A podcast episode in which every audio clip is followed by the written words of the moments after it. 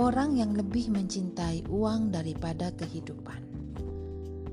Pada zaman dahulu kala, hiduplah seorang penebang kayu yang pergi ke atas gunung hampir setiap hari untuk menebang kayu.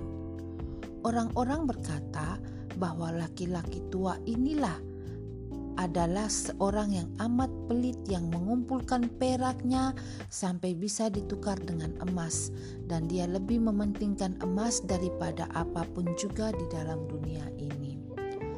Pada suatu hari, seekor harimau padang gurun melompat ke arahnya.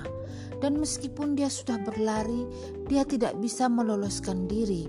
Dan harimau itu membawanya lari di mulutnya anak laki-laki penebang kayu itu melihat bahaya yang sedang mengancam ayahnya dan berlari untuk menyelamatkannya. Dia membawa sebuah pisau panjang, dan karena dia bisa berlari lebih cepat daripada harimau itu yang tidak bisa berlari cepat karena harus membawa beban manusia, maka dia pun segera bisa menyusulnya. Ayahnya sebenarnya tidak terluka karena harimau itu membawanya dengan menggigit pakaiannya. Ketika penebang kayu tua itu melihat anak laki-lakinya akan menikam harimau itu, dia berseru dengan suara khawatir.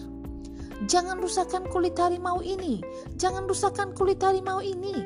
Kalau kamu bisa membunuhnya tanpa merusak kulitnya sedikit pun, kita bisa mendapatkan banyak uang perak dengan menjualnya Bunuhlah harimau ini, tetapi jangan sampai mengiris tubuhnya.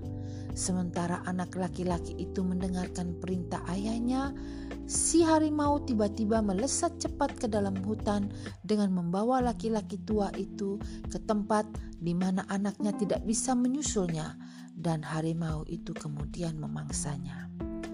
Dan orang bijak yang mengisahkan cerita ini mengatakan, "Ah, Keberanian orang tua ini adalah suatu kebodohan. Cintanya terhadap uang lebih besar daripada cintanya pada kehidupan itu sendiri. Keserakahan merupakan suatu emosi yang sangat kuat. Ia bisa menyengat, ia bisa melukai, ia bisa mematahkan, ia bisa membunuh. Dongeng ini berasal dari Cina.